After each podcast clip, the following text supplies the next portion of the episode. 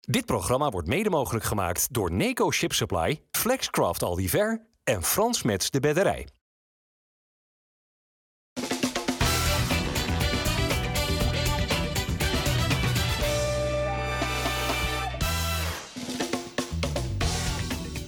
Goedendag dames en heren, welkom bij FC Rijnmond. Op deze maandag zijn we hier met Ruud van Os, met Sinclair Bisschop en met uh, Harry van der Laan. Uh, Zo'n 50 minuten lang praten we over het Rotterdamse voetbal en uh, de stadsderby van gisteren natuurlijk in het bijzonder. Op TV Rijnmond zit hij daar meer van een half uur van terug en online helemaal integraal. Harry, dus je kan nog meer uitweiden als dat je gewend bent. Alleen als het nodig is. Alleen als dat echt nodig is. Ja? Nee, maar uh, ga je gang. Uh, ga maar gang. Nou, dan, dan ga ik mijn gang. Uh, waarom was het zo'n makkelijke avond voor Feyenoord tegen Sparta? Nou, dat is door iedereen al aangegeven dat ze heel goed starten aan de wedstrijd natuurlijk. Kijk, Feyenoord is natuurlijk een beter elftal dan Sparta. Maar ze moeten wel met de juiste instelling zo'n wedstrijd ingaan. En dat gebeurde nu. Sparta ik hoor dan wat mensen zeggen, onder andere Adil Ouassar, die zeggen we, we zweefden een beetje, we, we, dachten er misschien wat te makkelijk over. Feyenoord had een zware Europa Cup wedstrijd gehad en dan ook nog met een zeer teleurstellend resultaat. Dus dan denk je van nou, we hebben wel wat mogelijkheden in de Kuip. Maar vanaf de eerste seconde zag je van Feyenoord, uh, zo, het, ik zag nou voor het eerst weer een beetje wat ik vorig jaar ook regelmatig zag. er werd op een juiste manier uh, druk gezet, pressie gespeeld. Iedereen deed mee. En daardoor uh, ja, kwam Sparta helemaal niet aan, aan, de, aan, ja, die kwam er helemaal niet aan. Er en dan toch twee vergelijkbare wedstrijden. Donderdag was het Lazio Roma dat mm -hmm. snel scoorde. En Feyenoord ja, wat er achteraan moest lopen en daar niet toe in staat was. En dat gebeurde het gisteravond. Het, Feyenoord die snel scoorde en Sparta. Het helpt enorm als je inderdaad de eerste, de beste kans eigenlijk die je krijgt, uh, dat hij erin gaat. Maar, nou, dat was nog een vergelijk, Ruud. Want dacht jij niet ook aan het begin van de tweede helft gisteren in de Kuip... Sparta gaat hier misschien wel weer een wedstrijd van maken. Nou, niet alleen dat ik het hoopte, maar ik dacht het inderdaad ook wel. Ja. Uh, en ze, Saito was voor de rust al uh, ingevallen. Even voor alle duidelijkheid, omdat Lauritsen met een rugblessure uitviel. En niet zoals er menig media wordt gesuggereerd dat de trainer het zat was en ingreep. Nee, een rugblessure bij Lauritsen, dus Saito. Ja, en met Saito erbij begon Sparta erg goed aan de tweede helft. Maar dat duurde vijf, zes minuten en toen was het weer over. Ja, het was over ook omdat de Kuip erachter ging staan, Sinclair. Als ware het een Europese avondwedstrijd. Een nieuw liedje ook is er door de supporters inmiddels uh, geïntroduceerd. Ja, dat liedje van overal waar wij gaan, gaan we met jou mee. Uh, heel leven lang Feyenoord olé olé. Ah, je kent ja, wel hoe, hoe klinkt dat dan? nou, nee, hier, hier, nemen we genoegen mee. Maar, dat is een, een, liedje wat tegenwoordig nu bij de Kuip wordt gezongen. Ook weer door, dan gaat de ene kant begint en dan de andere kant. Dat zorgde voor een goede sfeer. Maar ik wil niet alleen aan de sfeer toewijden dat Feyenoord een uh, goede wedstrijd uh, speelde. Begon inderdaad eindelijk een keertje goed. En, en dan helpt het inderdaad zo snel doelpunt. En ja, uiteindelijk uh, stonden denk ik ook de juiste poppetjes in deze wedstrijd wel op de juiste positie. Ja, gaan we het zo over hebben. Eerst Sparta, want de sfeer was inderdaad prima. Natuurlijk ook voor een tegenstander, Harry. Kuipvrees en zo, daar wil jij allemaal nooit nee. aan. Maar hoe kan je dat je bij zo'n mooie derby, in zo'n mooie sfeer... Ja zo als Sparta zijnde niet thuis geeft. Geen duelkracht. Hoe nee. kan dat? Nou ja, dat heeft ook wel eens te maken dat je op tijd moet zijn om een duel aan te kunnen gaan. En als er bij Feyenoord, waar heel goed bewogen werd in deze wedstrijd. De balsnelheid was goed. Er werd enorm agressief gespeeld van, uh, vanuit alle linies. Dan is het moeilijk om, ja, als, je, als je minder bent, om dan toch aan te haken. En, en nogmaals, uh, Ruud zei terecht, ze komen heel snel op 1-0. Dat is al een dreun natuurlijk. Hè? En dan Feyenoord uh, voelde zich happy. Alle omstandigheden waren goed. En, ja, en, en wat, wat ik ook heel goed vond aan Feyenoord, ze bleven doorgaan. Het was niet bij 1-0, nou, we gaan nu even gas terugnemen. Nee, 2-0 werd gemaakt, dan weliswaar pas na een half uur volgens mij. Maar ze bleven ook weer op zoek gaan dan weer naar 3-0. En dat maakte Feyenoord heel sterk in die wedstrijd. Ja, het is het Arne Slot-spelletje, dat snel druk zetten. Ja. En daar kunnen beperkte ploegen als Sparta, want zo, is, zo moeten we dat gewoon eerlijk zien in de Eredivisie, kunnen daar gewoon heel moeilijk mee omgaan. Om maar daar onderuit te voetballen. Het is wel zo, eh, vorig jaar met name onder Vrezen, maar hebben we ook onder Maurice Stijn, speelde Sparta soms zo verdedigend. En dat was in dit seizoen ook al een paar keer, ook tegen Ajax.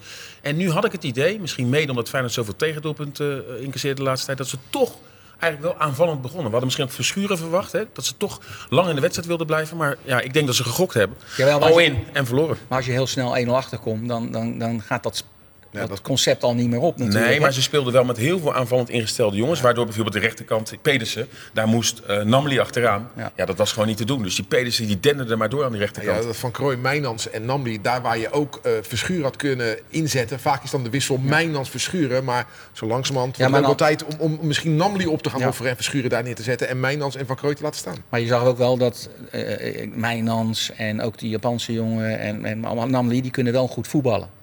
En dan als jij, als jij uh, zoveel moet verdedigen en zoveel achter je tegenstander en je hebt de bal, dan moet je wel een paar jongens hebben die dat kunnen. En daardoor krijg je toch nog wel een paar aardige momenten van Sparta in de tweede helft. Maar ik heb wedstrijden gezien tegen Herenveen, uh, ook tegen AZ en Ajax, waarin Sparta heel weinig weggaf. Doordat ze zo gesloten stonden. En nu stonden ze eigenlijk wel heel erg open. Hmm. Je zegt dat open, uh, aanvallend spelen, wat Sparta toch bij tijd en wilde, ook wel probeerde en ook wel deed. Is dat ook onderdeel van dat zweven waar Awassar het na afloop over had? Dat ze dachten er is hier wat te halen voor Sparta. Nou, met name die, die, vorige week ging het natuurlijk geweldig tegen Volendam. En de week ja, hoofd tegen Volendam, tegen Go Ahead Eagles. Ja, maar dan pak je twee wedstrijden op, op, op eh, overwinning op rij. En dan langzaam maar zeker sluipt er misschien wat in van nou we zijn misschien beter dan we zelf denken. En zeker nogmaals omdat Feyenoord natuurlijk best wel een, een, een slechte week achter zich had. Hè, met Go Ahead Eagles ten nauwe nood gewonnen. En dan die wedstrijd in, eh, in Rome. Dat ze denk ik zichzelf wat overschatten. Ja, dat laatste, gaat het, nee, maar dat laatste gaat het vooral om. Feyenoord was niet in, in een hele goede fase. Ze is nog aan het zoeken naar de juiste formatie. Hè. We stonden nu weer een aantal andere jongens. Hè, Jaan Baks. En, hè, dus dus dan, dan is hij ook nog steeds zoekende. Hij heeft ook nog spelers die niet hele wedstrijden kunnen spelen. Geeft hij ook regelmatig aan. Dus dan zeg je van nou Feyenoord is zeker nog niet op oorlogsterkte. Ze zitten nog niet in, in, in de juiste... Uh, ja, hoe moet je dat? In spirit. Ja, spirit. En dan zijn er altijd mogelijkheden, ook voor kleinere clubs. Alleen Feyenoord begon nu zo ongelooflijk goed aan deze wedstrijd. Met een snelle voorsprong. Ja, dan, dan gaat dat... Ja, dan word je eigenlijk een beetje uh, ja, tegen, de, tegen de vlakte geslagen. Je gaat knock-out eigenlijk. Al heel snel in de wedstrijd. Het is wel knap ook. Dat, dat met, er stonden zes nieuwelingen bij Feyenoord in de basis. En dat die automatisme er ertussen al echt in zit. En na afloop had ik het ook met wat watches van andere media erover. Dat hè, we hebben wel eens gekscherend Arne Slot de wonderdokter genoemd. Maar zo langzamerhand ga je er ook in geloven dat dat daadwerkelijk zo is. Want hij heeft zes nieuwelingen in de basis. Er zitten er zeven op de bank. Simanski er niet bij. Tabouni was er niet bij. Er zijn vijftien nieuwelingen. En als je daar chocola van moet maken op stukken korte termijn. Dat is best knap. Dan zullen nu critici zeggen. Ja, een donderdag in Rome dan. Ja, dat was net even een stapje te ver. Maar in de eredivisie kan Feyenoord echt wel ver gaan komen. Hoor. Ja, maar wat voor signaal hebben ze dan gegeven, vinden jullie, aan die topclubs in de Eredivisie na dus dat debakel in Rome gisteren? Nou, dat ze sowieso groeiende zijn hè, naar weer een, een, een goede vorm. Maar uh, als je zo speelt, zoals Feyenoord nu tegen Sparta speelde afgelopen uh, gisteren, dan alles onder de top 5 vreet je dan op in, in de Kuip. Echt. Dat is moeiteloos. Als je zo elke wedstrijd durft te spelen en kan spelen en er ook voor gaat hè, op die manier. Met die passie en die instelling en dat jagen. En, en ook als je 1-0 gemaakt hebt naar 2-0, dan speel je de ploegen onder de top 5 speel je allemaal naar, naar, naar huis. Daarboven komen nog meer dingen. Maar dan moet je inderdaad ook goed met de kans omgaan. Hè. Dat was vorig jaar ook een probleem met die subtopwedstrijden die vaak niet gewonnen werden. Dan ging je niet goed met de kans om. Maar dat is dan nog de volgende stap. Want je bent ook nog steeds een beetje aan het zoeken. Hè. Wat is nou je voorhoede aan het worden? Hè? Er stond nou weer een hele andere ja, voorhoede. Ik, ik, denk dat het zeker nog niet het elftal is dat we het straks vast gaan zien. Uh, ik denk dat de keuze nog echt gemaakt moet worden. Jiménez die echt aan de deur klopt. En, Gaan we het zo allemaal hebben over al die keuzes inderdaad die bij Feyenoord toch moeten worden genomen. Eerst nog even naar die wedstrijd eh, van gisteren. Het woord test valt regelmatig. Dat viel in Rome. Dat zal ook zeker vallen in aanloop naar de wedstrijd van komende zondag bij PSV. Maar voor trainer Arne Slot was de stadderby een echte test. Maar ik vond vandaag een hele belangrijke test. Omdat je altijd na een nederlaag als als, als goed team, laat staan een topteam, een reactie moet zien. En die reactie vraag ik niet zozeer vanuit het resultaat, maar vooral bereidheid om tot een resultaat te komen. Dat heb ik vanaf de eerste seconde tot de laatste seconde gezien. We hebben een bal van de lijn afgehaald. We kunnen allemaal praten over een enorm aantal kansen wat we uitgespeeld hebben. Maar, het, maar een bal van de lijn afhalen en, en voor mij het belangrijkste moment in de eerste helft om te beoordelen hoe graag ze tot een resultaat willen komen, was de verdedigende actie van onze nummer 10, Javairo Dilderson, die na een minuutje of 30, 35, ik weet het niet precies, maar in zijn eigen 16 als aanvallende middenvelder een, een speler van de bal afloopt, wat toch een hele dreigende situatie was. Dus um, wat dat dan gaat, hebben ze gereageerd zoals je als goed team, topteam, goed individu, top individu hoort te reageren na een wedstrijd als afgelopen donderdag. Ja, hoe verrast was je met uh, de keuze van slot om Diorosun uh, als uh, aanvallende middenvelder uh, neer te zetten. Dat gebeurde natuurlijk ook wel in Rome, hè, de laatste 20 minuten. en daar deed hij het eigenlijk wel redelijk. Maar er zijn ook eigenlijk weinig smaken. Nu Boujoude eigenlijk nog, nog, nog niet speelgerechtigd was. de laatste zaterdag voor het eerst meegetraind Zaterdag voor het eerst meegetraind. Simanski dus geblesseerd. En ja, dan ga je kijken op het middenveld hoe je dat kan in, in, invullen. Hij heeft in Bordeaux vorig seizoen, tweede helft van het seizoen toch wel vaker daar gespeeld. Dus zo verrassend is het ook weer niet. Nee, maar wordt dit een, een structurele optie? Ja.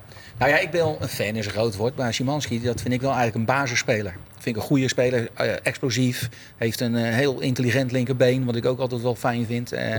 ja, dat, dat, dat, wordt toch wel even een, een puzzel voor hem. Ook, ook, ook, die, die kan je bijna niet passeren, vind ik, zo'n Simanski. Zeker niet als je wat verder in het seizoen bent. Dat hij helemaal geacclimatiseerd is. En dan, dan, dan is dat volgens mij nee, van, je, van je sterkhouders. Maar Dilrosun maakt een goal. Hij geeft een mooie assist. hij heeft een geweldige verdedigende actie nog. Maar tegen Roma, of uh, ja, Lazio Roma, was hij was die de slechtste speler van het veld. Hè? Dat is nog, niet maar, dat is nog maar een paar dagen geleden. En, en, en dan zie je even het voetballend vermogen, de beperking van het voetballend vermogen van deze speler. Want technisch is er het een en ander wel op aan te merken hoor. Maar zijn inzet, in zijn instelling, en hij kan misschien ook wel een goal maken, hoewel die daar ook weer niet echt onbekend staat. Ja, dat, dat moet je even afwachten. Maar het is, uh, ja, ik, ik, ik, ben, ik zou uh, altijd voor Simanski gaan. Als die eenmaal fit is. Uh, voor langere termijn. Ja, er valt echt wat te kiezen nou. De enige die zijn, zijn uitverkiezing gisteren niet waarmaakte was Idrissi natuurlijk. Want je, je kan bijna zeggen dat, dat ja. Feyenoord met 10 man van Sparta won. Want Idrissi vond ik ook wel heel zwak. En als je dan links, bij, links buiten Pashao, je hebt dan Dilro Sun die daar ook kan spelen. Dan denk ik dat uh, Idrissi een hele bescheiden rol dit seizoen gaat ja, spelen. Ik, ik ben ook niet zo'n fan van Jaan Bak, zo moet ik eerlijk zeggen. Maar die, wat, wat, ook ja, nu niet? Hij, hij ja, wel, maar ik, zich toch ik, wel? kijk heel...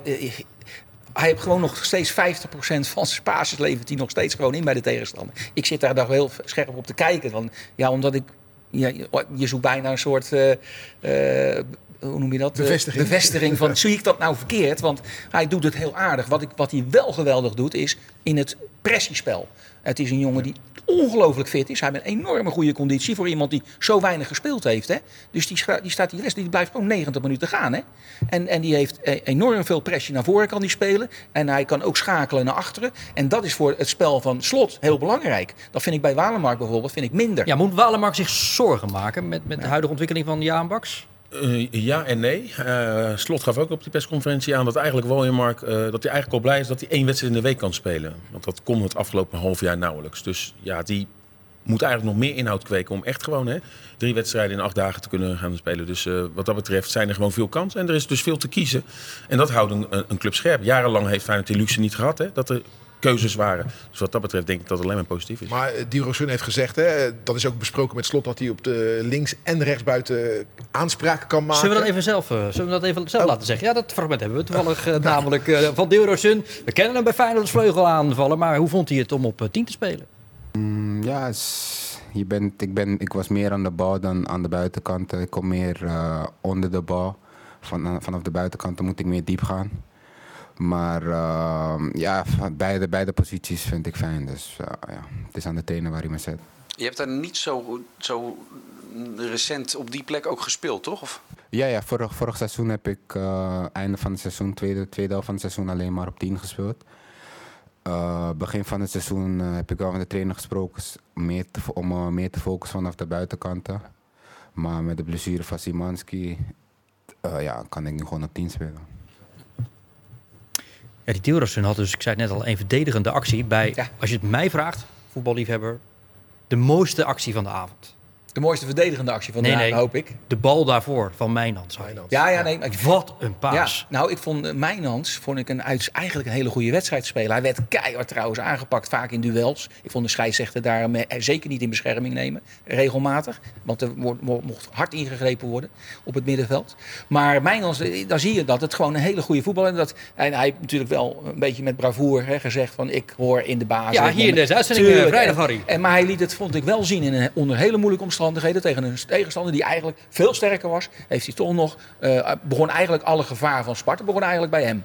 En uh, ik was ook erg onder de indruk van uh, de Japanse uh, speler. Ik wil eerst even naar mij, dat ja. inderdaad, want die was heel uitgesproken vrijdag in deze uitzending. Vindt dat hij in de basis hoort bij Feyenoord. En hij had ook wel zo'n... Bij Sparta.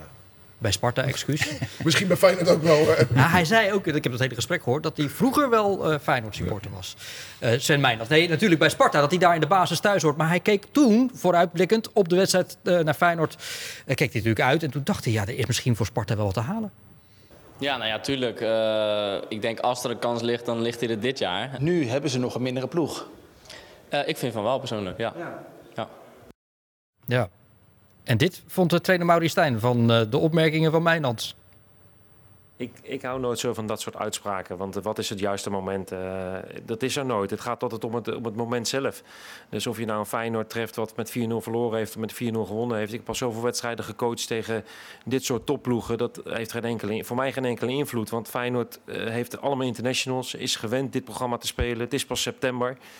Dus ik, uh, ik vind dat allemaal uh, onzin als spelers dit soort uitspraken doen. Uh, wij moeten puur naar onszelf kijken. En je weet van tevoren als Feyenoord top is, allemaal 100%, dan hebben zij op elke positie een betere speler. spelen thuis, dus is de kans heel groot dat ze winnen. dan moet je zelf moet je ook top zijn. dan moet je in de wedstrijd kunnen blijven. En dat hebben we vandaag niet kunnen brengen. Een trainer die vindt dat zijn speler onzin uitspraken doet. Nou ja, dat, dat kan toch? En... Maar moet je het ook zo benoemen? Nou ja, ik, ik deed dat interview. Ik vroeg ernaar. Ik zeg, wat vond jij ervan dat Mijnans dat zei? En daar was een, ik ben blij dat er een eerlijk antwoord komt en geen politiek correct antwoord. Ja, daar zeggen ook echt de juiste dingen, vind ik hoor. Dat is inderdaad waar dat zo'n grote club, of die nou verloren heeft of gelijk gespeeld of, of, uh, of een hele goede wedstrijd heeft gespeeld, dat heeft bijna geen invloed op de volgende wedstrijd. Omdat ze inderdaad gewend zijn twee keer in de week te spelen uh, op internationaal niveau. En dan, ja, die, die passen zich wel weer aan. En ze hebben ook vaak bredere selecties, dus ze kunnen wel uh, wat rommelen. Hmm. Viel op dus bij die verdedigende actie naar die paas van Mijnans. Uh, Deelrosun viel natuurlijk ook op met die goal, die die volgens mij compleet verkeerd raakte. Maar wat, de, de keeper ook. Wat deed Olij daar, Ruud? Ja, uh, het is, het ik, ik, ik, had dat niet helder voor me, maar hij heeft met NAC ook in de Kuip gespeeld. Toen ook een enorme ketser gemaakt. Het is een zeer betrouwbare doelman. Dat was hij bij NAC ook, dat is hij bij Sparta ook. Maar ja, twee ketsers en twee keer in de Kuip. Nou ja, je kan zeggen bij NAC, toen verloren ze met 7-1. Een ketsertje meer of minder maakt er niet uit. En hetzelfde geldt voor Sparta. 3-0 of 2-0 maakt ook niet uit. Ik, laten we hopen dat hij tegen Groningen, als het aanstaande zaterdag, als het misschien 1-0 staat, dat hij die ketsers dan niet meer maakt. Dus als hij hem dan maakt, dan maar in een dikke nederlaag. Ja, maar, ik, het is net ja. een broer van Bijlo, hè? Als ik het nou zie staan, ook met al die plak plaatjes trouwens. Maar, het, eh, nee, maar ook uh, in bouw, uh, de manier van keepen. en Bijlo had ook een paar van die ketsers hè, vorig, vorig seizoen, geloof ik. dus dat wil niet zeggen dat, dat je dan een, een, slechte keeper bent. Want voor mij is het een hele talentvolle, goede keeper. Ja. Die al een paar dat, keer heeft bewezen. Ja, maar, zeker dit seizoen. Ja, maar het gebeurde hem twee keer dat hij dus één keer schoot hij verkeerd uit. Toen gooide hij verkeerd uit. En in diezelfde actie dat hij verkeerd uitgooide, Scoort nee, maar zeg bij mij in heel zijn doen en later lijkt hij ontzettend op Bijlo. En heeft hij ook een beetje diezelfde keeperskwaliteit. Misschien heeft hij wel uh, kuipvrees, Harry. hey, jij, jij, jij, hebt er ook plakplaatjes? Nee joh, natuurlijk niet. Nee? Volgens mij wel. Maar daar wilde hij niet over praten. Uh, Laurensen moest inderdaad af met een rugblessure. Ja, dan moet er een nieuwe spits komen. En dat is dan Saito. En niet ja. Mario Engels. Ja, nou, dat vind ik wel een grote verbetering als ik. nee, maar dat is, dat, je ziet dat is een rasvoetballer, joh. Je ziet aan de bal eh, hoe handig hij wegdraait. Eh. Ik zeg het, want hij valt in in een hele moeilijke wedstrijd. Eh, tegenstander veel sterker. En er werd ook heel goed verdedigd en hard verdedigd. En daar, ja, daar ging hij toch heel aardig mee om. En ik weet niet, hij viel nou in als spits dat geloof ik nou niet dat dat nou zijn positie is. Wat is zijn favoriete positie wel? Dat weet ik nog niet. Aanvallend middenvelder. Dat speelde hij ook in België. Maar toen hij erin kwam, toen werd het toch eventjes penibel. Want eh, daarvoor was Sparta toch wel voorspelbaar. Ook veel lange ballen met Laurens die veel verloor van Trauner. Maar daarna werden er best veel ballen achter de verdediging van Feyenoord gelegd. En zeker de eerste minuten na rust ja. had dat echt een doelpunt kunnen, ja, Die bal die Van Krooi overschoot, goede voorzet van een lage voorzet van uh, Saito en Van ja. Krooi net, uh, net En Mijnans had volgens mij in mijn optiek nog een keertje met links die bal in de hoek kunnen schieten. En toen wachtte hij wat lang. Dus anders had het misschien nog wel Ik denk dat ze met hem de beste speler van de selectie hebben. Zijn ze bij Sparta daar eigenlijk ook een, wat verbaasd over dat ze zo'n goede aanwinst nou ja, hebben Ik mag toch hopen dat de organisatie dusdanig geprofessionaliseerd is dat je niet verbaasd bent van de spelers die je haalt. maar, maar, maar, dat hij zo goed is. Ruud. Ja, nou ja, met name het publiek was uh, tegen Volendam verbaasd van wat, wat, wat, hebben we nou in huis gehaald. En, uh, ja, en dat, dat, liet hij ook weer zien in, in de Kuip. En uh, ja, misschien is dat dan lastig om dat vanuit een, een je niet-ideale positie te doen. Dan is dat Maurice Stijn om nu de situatie zo te creëren dat hij vanuit zijn ideale positie ja. kan gaan schitteren. Maar dit is een speler die een soort het motortje kan zijn voor je elftal in moeilijke ja. wedstrijden. Hè? Die, dat hij net een paar acties hè, laat zien waardoor je een goal maakt, waardoor je net wel gelijk speelt of wint. Dat, dit, dat zijn dit soort spelers. En die zijn schaars hoor, zulke goeie gek dat, dat, dat Lommel hem laat gaan, hè? Uh, waar die speelde. Ja. Zullen ook met ze schuren, maar dat, dat ze hem zo makkelijk laten gaan. Want inderdaad, ja, als je hem één keer ziet voetballen tegen Volendam, maar gisteren ook in de Kuip met een paar acties, denk je zo. Maar wat zal Mario Engels hier allemaal van vinden? Ja, die, uh, ja, kijk, eh, sowieso wil ik zeggen dat uh, Sparta heeft natuurlijk Reda, Gargoesela en Excelsior laten gaan. Die hebben Brim terug laten gaan naar Eindhoven. En toen zei ik in de Sparta-podcast al van, joh, wat als er iets met Lauritsen gebeurt? Nou, dat is nu gebeurd. En dan moet je dus uh, Saito in de spit gaan zetten uit armoede. Ja, ik begrijp het wel. Kijk, hij is echt de, de, de voorzitter van de anti-Engelse fanclub. Maar hij heeft natuurlijk wel een punt. Hij scoort gewoon nooit. Hij sleurt, hij werkt hard.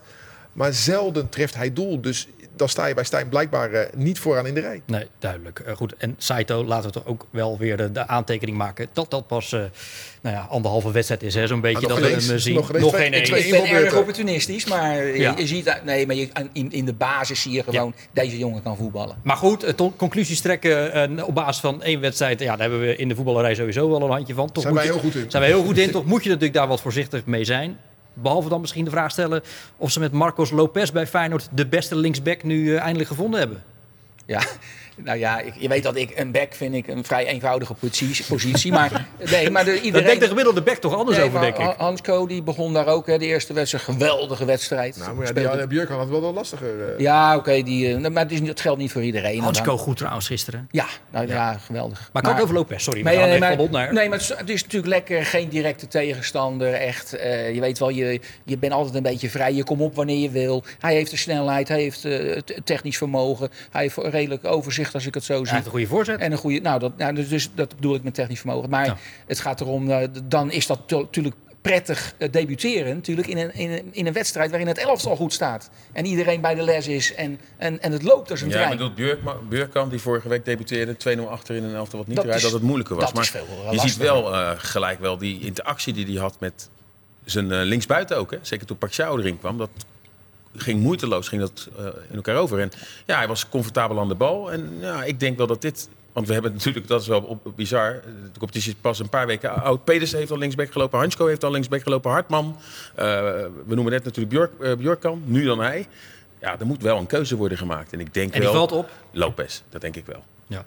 Duidelijk. Um, nou, zo hebben we een hoop spelers leren kennen. Eigenlijk ook min of meer. We hebben Lopez zien debuteren. Boulaude trainde zaterdag voor het eerst mee. Eh, een paar minuutjes meegedaan, eh, maar... Um, wordt langer aan het werk gezien. Uh, ja, Jiménez natuurlijk nu. kan een publiekslieveling worden. Hè? Dat merk je gelijk al een reactie in de, in de Kuip. hoe komt het allemaal op je over, deze Zuid-Amerikanen, Harry? Bij Feyenoord? Ja, tot, tot, nu toe prima. Volgens mij uh, acclimatiseren die heel, heel goed in de Kuip tot nu toe. Ja. En dat is al een paar jaar nu aan de gang. En uh, ik zeg het, die Pacho, Pacho wat is het? Pacho. Die, uh, die kan een beetje de, de nieuwe Sinistera wel worden. Hè. Hij heeft die explosiviteit, de manier waarop hij hè, ook die derde goal voorbereidde. Zag je even de slimmigheid en de snelheid die hij kon maken. Vriends, een zeer ervaren verdediger, die liet zich echt Zo. even verschalken. Ja. En ook nog overzicht, hè. dat vind ik nog, nog belangrijker. Dat als je doorbreekt, dat je ook nog even weet wat er voor de goal gebeurt. Daar is trouwens wel het een en ander op aan te merken, vind ik. Um, dat zie je het verschil met uh, Jiménez en, en uh, Danilo bijvoorbeeld. De manier van bewegen voor de goal. Dat is bij Jiménez echt veel beter. Ja. Echt meer een spits. En Danilo, de, dat is een beetje toeval dan. Uh, want die zijn altijd onder druk. Hè? Maar gaan we dan nu een fase tegemoet, Harry, net als vorig jaar met Dessers en Linsen, dat, dat slot ja. voor een keuze komt te staan? En ja, die ik, keuze ik, misschien wel lastig gaat ik worden. zou het vreselijk vinden. Als ik een, een spits ben en je hebt een, een concurrent en dan moet, je, dan, moet je, dan moet er gekozen gaan worden van, op basis van misschien een, welke wedstrijd zet je iemand in. Heb ik hem nodig. Maar een spits wil iedere week voetballen en iedere week goals maken. En, en strafschoppen kunnen nemen en dat soort dingen. Ja. En uh, je weet wel dat, dat als, als je dat gaat uh, doorbreken door ja, dan weer die, dan weer die, dan gaat het en wat doen met je zelfvertrouwen en je overtuiging. En dat is voor een spits natuurlijk cruciaal. Dus ik ben bang dat dat wel eens uh, tegen je kan ook gaan werken. Als je twee spitsen van ongeveer hetzelfde niveau hebt. Hm. Maar ja, jouw kennisoog. Uh, mijn gevoel zegt, ook al heeft Danilo gescoord, hm. Jiménez gaat de eerste spits van Feyenoord Nou, Jiménez vind ik meer een echte spits. En ik denk dat, dat Feyenoord... Uh, maar, maar Danilo is al wat verder in, in, in het concept van de, van de coach. Hè? Met dat pressiespel en zo. ook wat meer terugzakken. Ja, nou ja, de, de, die weet al wat meer wat er van hem verlangd wordt. In, vooral als de tegenstander de bal heeft. Nou, wat je bij Jiménez ook ziet, hè, die bal, hoe hij die afmaakt, is, is fantastisch. Hm. Daarvoor zag je ook, als hij moet afmaken, daar is hij voor geboren, ja. daar is hij voor gemaakt als hij die mogelijkheid niet heeft, hij moet hem aannemen en dan gaan afspelen. Dan beginnen de problemen. Ja, nou ja. Dan zie je dat hij daar... Maar het is een dodelijke afmaker. Ja, maar ik zeg het, bij Spits is het ons erg belangrijk uh, dat je een bepaald vertrouwen hebt van, van de coach. En als dat, als dat doorbroken wordt door elke keer dan weer eruit, dan weer erin, dan weer eruit, dan... dan, dan Waarin verschillen ze nog verder?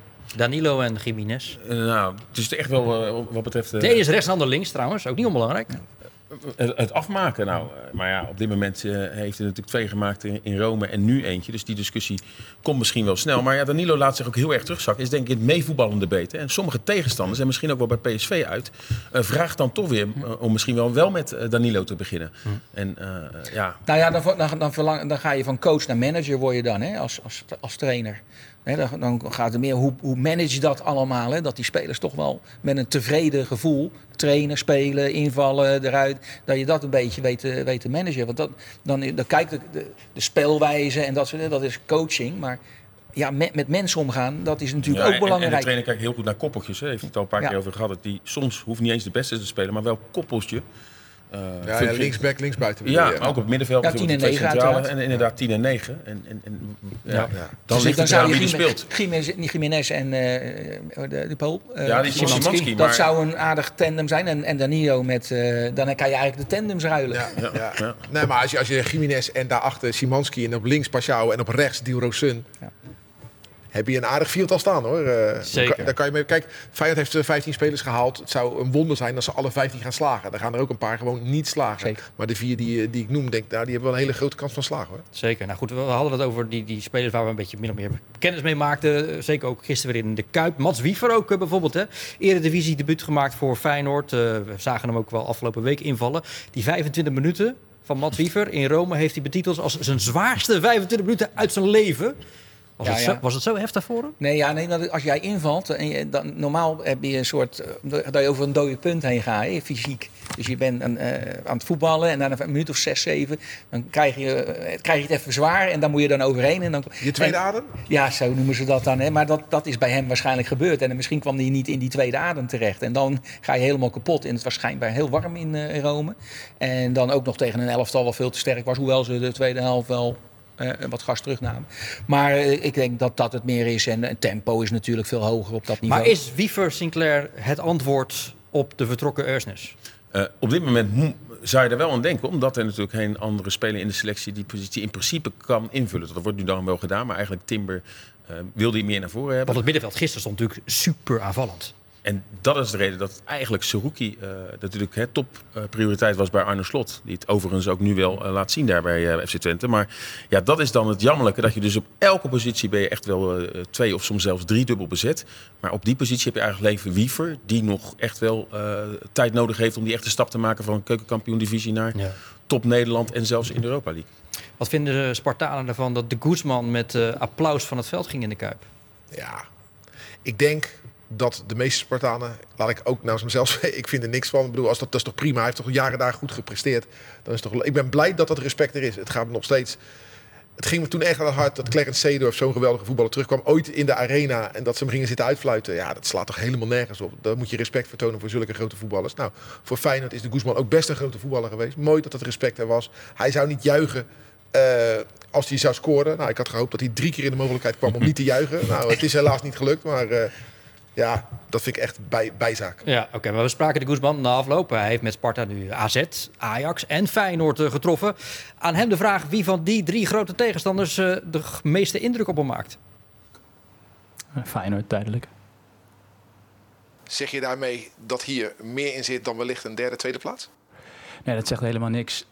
Alleen uh, vandaag was Feyenoord gewoon veel beter. En we hadden niks te vertellen. en bij, tegen Ajax en tegen AZ waren we nog in de wedstrijd tot het eind en uh, vandaag niet. Nee, vandaag niet. Wat, wat zal Stijn doen met deze nederlaag? Moet, moet hij een soort van focus terugzien te krijgen binnen nee, de elftal? Nee, joh. Eh, eh, Sparta is een club en daar zijn er nog veel meer van in Nederland. Die zijn er toch gewend dat ze als een soort van kanonnenvoer naar de grote stadions gaan. Naar Eindhoven, naar Amsterdam en naar Rotterdam-Zuid. Ja, maar goed, Sparta mogen we in gaan schalen als uh, bovenkant middenmoot misschien wel dit jaar. Ja, dus dit was dan toch een nee. afslachting die we niet zo hard hadden zien aankomen. Zes wedstrijden gespeeld tegen de drie topclubs. Ajax, AZ, Feyenoord verloren. Tegen de twee concurrenten gewonnen. Uh, Volendam en Go Eagles. En tegen de middenmotor Heerenveen gelijk gespeeld. En dan sta je op de tiende, elfde plaats. En dat is waar Sparta hoopte te staan aan het eind van het seizoen. Ze doen het gewoon naar behoren. Zitten gewoon volledig op schema wat dat betreft natuurlijk. En, uh, ik denk dat hij zelfs blij was dat het bij 3-0, zoals Feyenoord blij was dat het maar 4-2 werd in Rome. Ik denk dat Stijn blij was dat het bij 3-0 was. Dat zag je toch ook, Awassar begrijpt dat. Die hield het tempo zo laag. Die, wist gewoon, hier valt niks te halen. nog even een beetje gaan jagen. Ik wil zeggen, ik vind bij Awassar zo mooi. Die weet altijd op het juiste moment oorlog te maken. Ja. Ja. Weet je, eh, voor mij is dat ook echt wel een verdediger waar je als aanvaller best wel bang van wordt. Ik zag wel een strafschopje volgens mij hoor. Maar, ja? ja, dat hij zijn elleboog er zo inzette zonder de bal te willen spelen kan je ook. Uh, ik heb voor minder een strafschop zien gegeven worden dit weekend. Uh, uh, bedoel jij in Eindhoven toevallig? ja, dus ik, ik, ben, ik heb kennis gemaakt met een nieuw woord: de topclub strafschop. Ja, ja, ja. ja. maar dat was het wel. Maar, nee, maar die bestaat ook hoor. Ja, en dat weten de supporters van de kleine clubs, die weten dat. Ja. Ja, nee, want RKC had die penalty natuurlijk niet gehad, hè, als het aan de andere kant gebeurde. Nou, ik, vind, ik vind dat toch wel weer jammer, want uh, er is een concurrent van Feyenoord, PSV. Die, en die zaten toch al een beetje in een lastig pakket. Dus dat had een prachtige uh, puntverlies geweest. Ik zeggen dat Michiel Kramer zat die afgelopen vrijdag nog aan tafel. Verwoordde dat echt uitstekend koud na de wedstrijd daar in Eindhoven. Maar goed, dat is voor daar. Kwamen bij Ukun Kukcu alle frustraties eruit naar die 1-0 ja, van de voorbije week? Er is wel veel natuurlijk op hem afgekomen na afloop. Hè. Heel veel mensen waren het wel met hem eens dat hij, wat hij na afloop zei in het interview over die, het penalty incident met Jiménez. Maar ook heel veel mensen die vonden dat hij veel verantwoordelijkheid zelf had moeten pakken. Dat hij zich niet had moeten laten aftroeven vanuit Mexicaanse richting. want daar is het echt een grootheid Jiménez waren er ook volgens mij wel wat vervelende appjes richting Orkun Kuksu gekomen. Dus er is wel maar veel dat bereikt het dus allemaal wel. Dat vind ik eigenlijk wel weer zorgelijk. Dat die jongens dat toch allemaal op Instagram en zo... Dat, dat lezen ze dus allemaal. Ja, ze zeggen van niet, maar ze lezen alles. Hoor. Ja. Geloof me nou. Maar Kuksu had gelijk dus niet in zijn interview. Kuksu, dat zijn interview was gelijk. Maar ik vind wel dat de spits de, de strafschoppen moet nemen. Want dat is degene die de goals moet maken. Ja, dat moet je van tevoren bepalen. Ja, natuurlijk. Nee, nee, nee, nee, Kuksu heeft gelijk. Van, joh, op dit moment is het afgesproken. Maar hij zou al daarvoor met een trainer moeten overleggen. Joh, ik ben een specialist. Uh, dus als er een strafschop En ik word ook strakjes afgerekend op het aantal goals. En af en toe sta je in eens een paar wedstrijden droog. En dan komt er opeens een strafschop voorbij. Nee, en dan kan ik maar dat was de discussie niet. Nee, de discussie was dat nou, gewoon, nee, maar zeg ik, maar Kutsu heeft gelijk. De, ik moet op dat moment de strafschop nemen. Maar ze moeten dat eigenlijk... nou blijft hij nog steeds de eerste nemen natuurlijk. Op basis van waarschijnlijk, ja... Nou, nou, nou op basis niet, van, kan ik niet terug. Nee, nee, maar op basis van hoe hij die 1-0 binnenschiet met de binnenkant van de voet. Ja, zo goed geplaatst. Nee, of linkervoet. Het is zo knap Maar Danilo nam natuurlijk ook in Waalwijk een penalty die ook gewoon heel goed was. Hè? Dus ze hebben gewoon wat meerdere specialisten. Nou, dat is alleen goed. Ik, het is belangrijk dat die spitsen goals maken. Dat is belangrijk voor de, voor de overtuiging. De middenvelders... Kuksu denkt ook als een marktwaarde. Ja, nee, dit is wel een goede middenvelder, maar die scoort zo weinig. Dus als hij die strafschoppen mag nemen, dan gaat dat omhoog en dan, dan verstomt die discussie. Nee, maar het is ook zelfs voor, de, ook een keer voor de marktwaarde voor een spits is het ook heel ja, maar ook voor de marktwaarde van Kuksu. Jawel, maar in eerste instantie wordt er gekeken naar hoe hij als verbindingsspeler acteert. En dat hij mensen met goede pases bedient. En dat, dat is zijn eerste. Ja, maar wij maken ook wel eens middenvelders het verwijt. Kunnen best lekker ballen, maar scoort te weinig. Nou, Kuksu speelt nou meer ja, net voor zijn verdediging voornamelijk. En alleen bij het pressiespel dan komt hij ook naar voren. En, en dus, dus hij is ook geen tien natuurlijk. Dus hij hoeft in principe geen doelpunten te maken. Maar de goal die hij maakte, Harry, de, de manier waarop niet hard, maar geplaatst met de binnenkant. Dat is dus, een veermannetje noemen we dat. Ja, een veerman. Ja, die, die, schiet ze volgens mij nog zachter. Maar het is het bewijs dat je niet per se hard nee, uit te halen. Om, nee, uh, zeker niet een beetje glad veld, hè, een beetje nattig veld. Dus dan glijdt hij net even nog door de hoek in. Nee, maar dat is zo, zo hoor je af te werken. En, dit is voor ieder jongetje gewoon. Train nou gewoon als je nu op een voetbalveld staat. Maakt niet uit of het bij Alexandria, bij Capelle. Ga nou gewoon links en rechts trainen. Hij is ook tweebenig, hè? Schiet er met zijn verkeerde been knap binnen. Ik vind wel één ding, want we hebben het nu over een heleboel spelers van Feyenoord gehad. Eentje wordt er niet genoemd, dat is Gernot Trouwne. En als ik maar dan... jij weet niet wat ik nog allemaal ah, okay. hier op papier nee, maar als, als, ik dan, als ik dan het Kuksu het zo moeilijk ziet hebben met die rol... en als ik dan gisteren de wedstrijd in het stadion echt ziet... eigenlijk heeft Feyenoord maar één echte leider. En die staat gewoon met die kale kop gewoon centraal achterin. Dat is week in, week uit, hè? Ja, eigenlijk die band moet bij hem zitten gewoon. Vind ik. Ja, ik denk dat uh, degene naast hem meer een leider nog is. Hansko. Ja. ja, maar die is er net.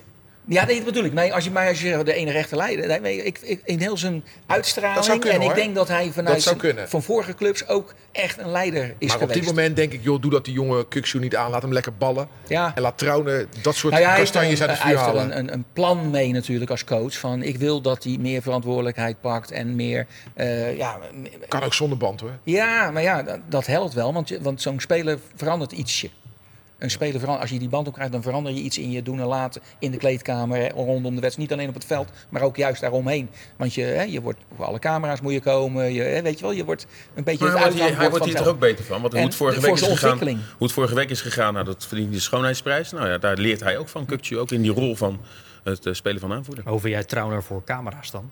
Als hij interviews geeft? Nou, voor de club fantastisch.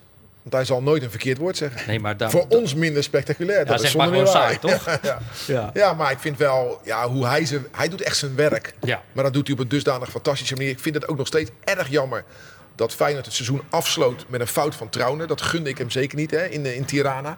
Waardoor ze met 1-0 verloren. Want die man had zo'n fantastisch seizoen. En zo sneu dat juist hem dat moest overkomen. Maar hoe hij er gisteravond weer stond.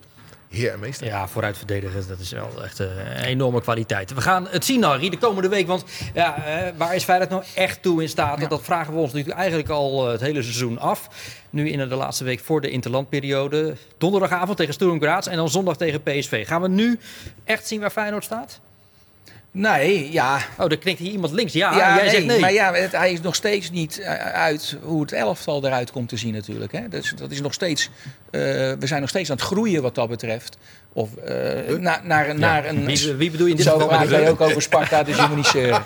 Maar uh, nee, maar de, de, dat, hij moet groeien naar een soort echte basisformatie met accenten. Dus je hebt het basisformatie en dan heb je van ik kan op rechts nog wat doen, ik kan daar nog wat doen. Ik kan. Maar daar moet hij naartoe en dat is nog steeds... Zo'n zo'n uh, linksback is net binnen. En vergeet niet dat dit ook weer met piek en dalen gaat. Dus we zullen echt straks de komende tijd ook wel weer wedstrijden gaan zien waarin het helemaal niet loopt. Of de wedstrijden die verloren worden. Want dit is het proces waar je helemaal in zit. Nu is het positief. Na afgelopen uh, donderdag was hè, met name naar de eerste helft iedereen weer heel negatief. Dat is denk ik hoe je dit Feyenoord de komende weken gaat zien. Dus ik ben echt heel benieuwd hoe ze ook tegen Sturm Graz en ja. PSV... Met een spits vol vertrouwen met een spits komen ze naar Nederland, uh, Sturm Graz, Emmanuel ja, ja. ja, ook weer in de competitie gescoord. Nee, maar hij kan, nog de, hij kan drie verschillende voorhoeders op, opstellen. Hij kan ook in het middenveld uh, roleren. Dus dat is nog steeds, ik vind dat blijft dat nog steeds een beetje ingewikkeld vinden hoor. Maar hoort wel bij een nee, topclub, maar Ik denk dat als wij alle vier een opstelling maken, dat er niet één hetzelfde is. Nee. Alleen die van mij klopt. en die van mij die wint. maar, uh, nee, maar het is, uh, nee, maar dat is best nog wel ingewikkeld voor zo'n coach. Hè. Nogmaals, uh, je moet ook nog de manager uithangen met al die, om al die spelers ook tevreden te houden. Ja, maar en dat die, die groep is groter. Wel het lijkt alsof die groep groter is om tevreden te houden dan vorig seizoen. Dat idee heb ik wel uh, een beetje. Hmm. Toen was het alleen even de spitspositie hè, waar, waar discussie over was. En de rest was wel duidelijk. Hè? En, en, maar dat is nu op bijna in alle linies is er wel als Geertruiden weer terugkomt. Uh, weet je wat, alle linies uh, ja, is er wat voor te zeggen. Mm-hmm. Dus het is best wel ingewikkeld dit jaar. Oké, okay. nou ja, En ook een, een mooi moment voor, voor slot om te groeien naar topcoachniveau. Hè? Zeker. Want dat ga je dan echt meemaken als je bij clubs als Madrid en noem ze maar op. Uh, dan heb je dat elke week. Zie jij dat ja, daar slot, sorry, zie jij slot ja, daar dan uh, als hij, terechtkomen? Als hij een, een, een goede, goede, goede resultaten blijft halen met Feyenoord, dan denk ik dat hij ook in Europees uh, top. Ja, dat, nou dat top, maar dat hij in ieder geval een kans krijgt om, om, om zich door te ontwikkelen ergens in Europa. Maar dit is een intelligente man. Ik neem aan ook dat hij een hele intelligente keuze dan gaat maken. Want je kan natuurlijk voor het geld gaan en voor de, de roem. Maar je kan ook voor een gefaseerde uh, uh, carrière kiezen. En uh, ja, zoals hij nu te werk gaat, hij vereist heel veel discipline van zijn ploegen. Ja, zou, als hij naar een mooie Duitse club zou kunnen hoor. Dat, ja, ja, het maakt mij niet uit. Ik zeg, Engeland is er ook prima. Ja, ja, ja maar ik, ik heb dan in Spanje waar ze zo opportunistisch zijn. En, maar hij zou wel bij Bayern Vind je dit gesprek niet opportunistisch trouwens? ik, maar jij denkt aan Dortmund of Bayern München, nou ja, dat, dat, ja, dat niveau. Ja, ja, ja. ja, Okay. Nou ja, dat hangt dan toch... Zullen we het eerst over Sturm Graz hebben? Wat daarvan te duchten? Nou, uh, het Oostenrijkse voetbal, en dan gaat iedereen lachen. Uh, ik begin onmiddellijk te lachen. nou, nee, nee. De laatste jaren hebben we met Nederlandse clubs, nou, uh, Las PSV. Las Klins. Ja. Dus dat moet je niet onderschatten. Gernot Trauner, onbekend, komt daar ook vandaan. En Wolfsberger? Wolfsberger, dat Feyenoord inderdaad twee jaar geleden uh, uitschakelde. Dus uh, ja, iedereen doet er heel makkelijk over. Maar dit is echt een cruciale wedstrijd. Mocht je deze verliezen in de Kuip, dan sta je na twee wedstrijden op 0, zij op 2-6. En dan wordt het nog wel heel moeilijk om, zeker met Lazio in die pool, om je bij de eerste twee te scharen. Dus echt een hele lastige ploeg, waarbij inderdaad Emega uh, de laatste week op stoom is. Maar uh, ja, echt, echt niet zomaar 1, 2, 3 een wedstrijd die, die je wint. Topclub nu dit, de laatste jaren echt daar in, in Oostenrijk. We gaan dat zien donderdagavond om kwart voor zeven. Natuurlijk bij Rijnmond allemaal te volgen. Sparta gaat naar FC Groningen. Dan... Nee, thuis. Oh, thuis, ja, sorry. Het staat hier ook. Thuis tegen FC Groningen. Dan na de break volgen er wedstrijden tegen RKC, Emmen en NEC. Met andere woorden, dat worden echt belangrijke weken. Verwacht jij eis jij van Sparta een antwoord zaterdag tegen Groningen? Ja, nee, jij, jij probeert mij iets aan te praten al deze hele uitzending over dat het... Uh, kijk, ik ben Spartaan. Ik ben gewend dat er nooit gewonnen wordt in de Kuip. Of zelden. De laatste keer was 2000, daarvoor 81. Dus ik lig niet zo wakker van een nederlaag daar. Dus ik ben ook niet zo geschokt. Dus ik, ik eis niet ook de manier van op? Nee, nee, nee, nee. Vorig jaar 4-0. Was dat zoveel anders dan? Het jaar daarvoor wel 1-1, daarvoor 2-2. Maar daarvoor kan ik een rit met nederlagen noemen. Joh, als ik daar aan begin, dan zit ik gelijk aan de Prozac. Dus dat ga ik niet doen. Nee joh, uh, dit, Sparta begint om half vijf zaterdagmiddag op het kasteel 10.000 man, gewoon weer op nul. Die Sparta-mars klinkt. En dan is, is de Kuip gewoon vergeten. Dat speelt geen enkele rol meer. Nou, dan zetten we, dat, ja. uh, zetten we daar een punt ook wat deze wedstrijd betreft, toch? Of wil je er nog iets aan toevoegen? Oh, Harry wel nee, natuurlijk. Het is wel een belangrijk programma wat ze krijgen. Ja, Excelsior had dat de, heeft dat deze maand, zeg maar. He, de, de, de, ja. de, daar gaan we het zo meteen... Uh, nee, nu? Oh, we gaan het nu over... Maar ja, in ieder geval, nou, maar dat programma, dan krijg je toch... Als je, als je dat goed doorkomt, dan zit je voorlopig uh, uitstekend. Tot, uh, tot de kerst hoef je nergens meer druk om te maken. We hebben geloof ik 44 namen van Feyenoorders genoemd. De ene die niet genoemd is Bijlo. Die heeft toch weer een klein ketsetje, hè? Ik vind dat... Ja, van je? Ja, ja, weet je, laat die bal weer los. Ja. Nee, ik ben dan zo bang dat Louis van Gaal... die zit dan thuis in Noordwijk, zit hij uh, ESPN te kijken... en natuurlijk met, met Rijnmond aan. en uh, dat hij dan denkt van ja, zie je wel, dit is waarom, waarom ik over hem twijfel. Ja. En daar ben ik bang voor. Dat de meest talentvolle keeper van Nederland... straks niet de eerste keeper van Oranje is. Wie dan wel? Ja, toch Sillissen, denk ik. Nee, ja, het is inderdaad, het, het, het is gewoon, uh, hij moet gewoon foutloos zo'n ja, wedstrijd keeper. Dat, is even, dat heeft hij nu even een, een, aantal wedstrijden nodig om zijn plekje vrij, veilig te stellen. Zo werkt dat nou eenmaal. Dat is toch niet zo'n nee, nee, nee, nee, nee, nee, Ik snap precies wat hij bedoelt. Hè, want dan laat hij hem zomaar weer een bal uit zijn handen vallen. Als er een been tussen zit, is het een goal bij wijze van Je spreken. moet van Gaal geen argumenten geven nee. om te gaan twijfelen. En hij zit heel kritisch te kijken natuurlijk. Vooral ook omdat Sillissen, die zie ik dan weer een bal uit de kruising duiken. Je weet wel, dat laten ze dan ook twintig keer voorbij komen op televisie. Dus dan, nee, maar dat, daar heb je wel mee te maken. Dat is zijn grote concurrent, Sillissen. En, uh, en, en ja, die heeft natuurlijk ook veel meer internationale ervaring dan hij. Hmm. Nou ja, ik zag van het weekend ook een staatje dat Olij, als je gewoon kijkt naar statistieken en expected goals, Harry, zo heet dat tegenwoordig, okay. staat Olij gewoon bovenaan in Nederland. Hè? Dus eigenlijk op basis van dus cijfers... Noppert, uh, Noppert moet zich zorgen maken. Ja, maar dat, ja, nou waarom ook niet? Nou goed, afijn. Uh, Excelsior dan, inderdaad. Dat boekte de derde overwinning van uh, dit seizoen. Thuis tegen FC Emmen. Uh, terwijl het seizoen pas zes wedstrijden oud is. Hè. Excelsior staat knap zevende. Dankzij twee uh, jeugdspelers, notabene Sinclair. Was erbij. Hoe mooi was dat wel niet? Ja, überhaupt hè, spelen er ineens de laatste jaren heel veel jeugdspelers in het eerste helft van Excelsior. En dan zijn ze natuurlijk gepromoveerd en haken ze ook aan. Uh, ja, en Nathan Chouaon, linksback, met een geweldige pegel voor de gelijkmaker.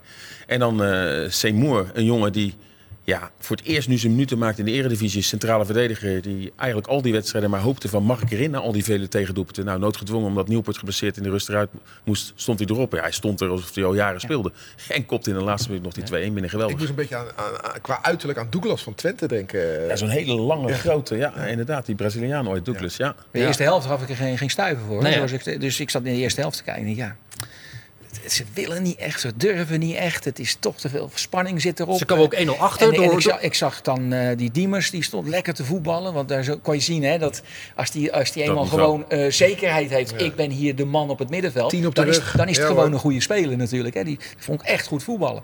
Maar ja, de tweede helft wordt het een leuke open wedstrijd. En toen uh, zag je echt van nou, nu kan er wat gebeuren. Alleen ja, je verwacht dan niet meer dat het zo laat nog 2-1 wordt. Nee, door dus die Simon, die maakte 2-1 met zijn hoofd in de blessuretijd. Ja, dat is natuurlijk een jongensboek, hè?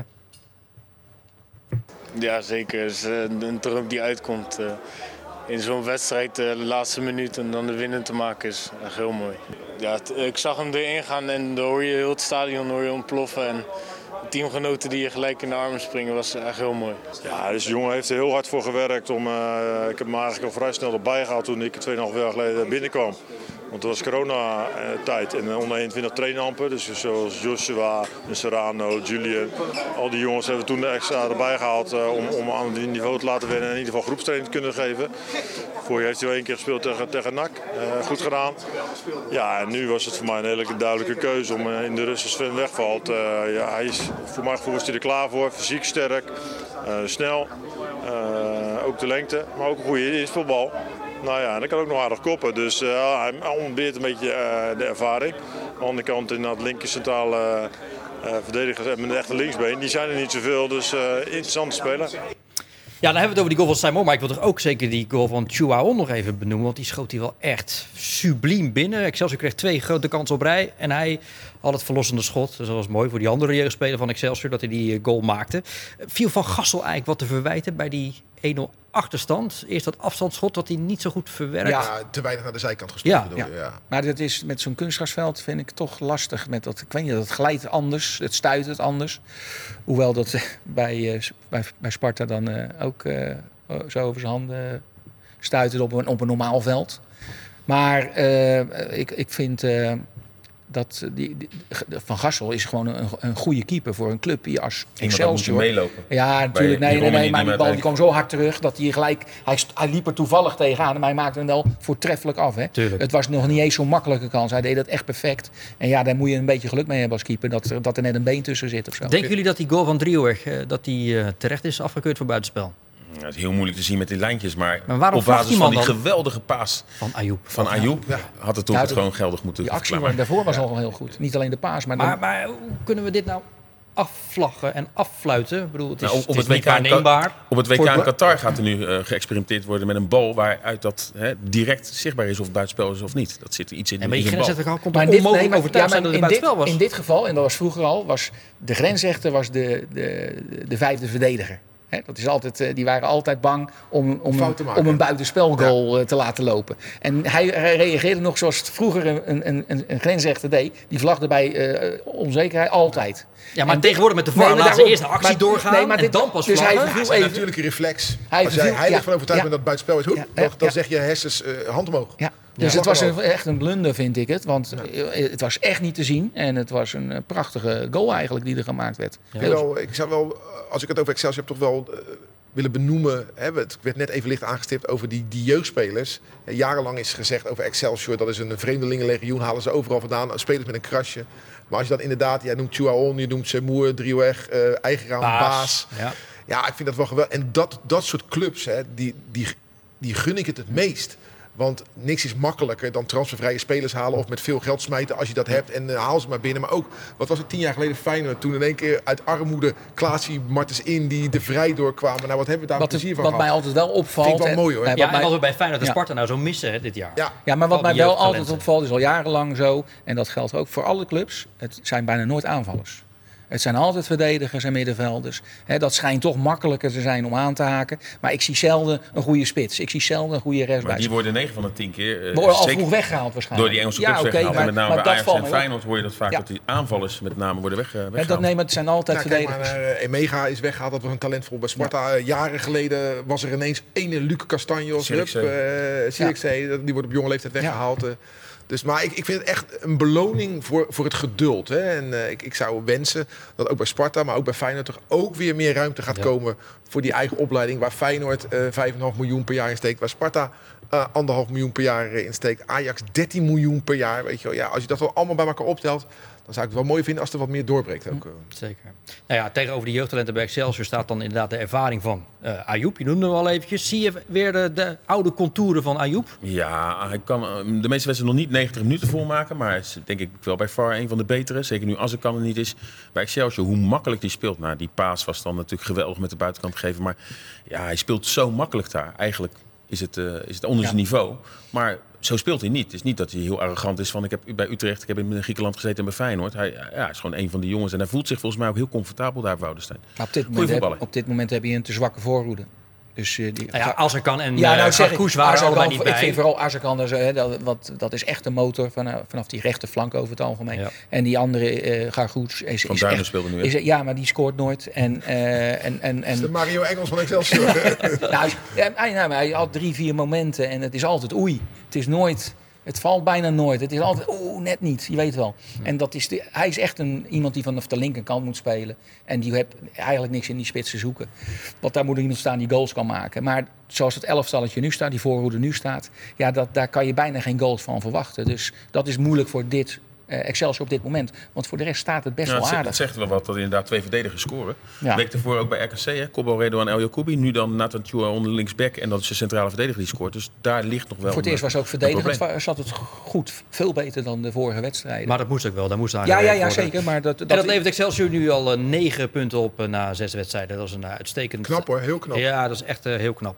Ruud van Os, wel bedankt weer. Tot een volgende keer. Sinclair, ja, ook bedankt. En tot volgende, volgende week. week. Dat is dan de laatste? Dat is dan de laatste. Och, Jeetje, moet er niet aan denken. Harry. Tranen met tuiten. nou, ik ga het echt jammer vinden, serieus. Ja, Harry, jou gaan we ook snel weer zien.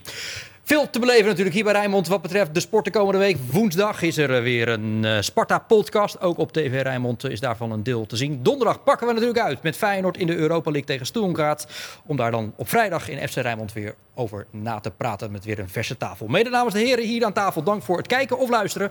En een goede week.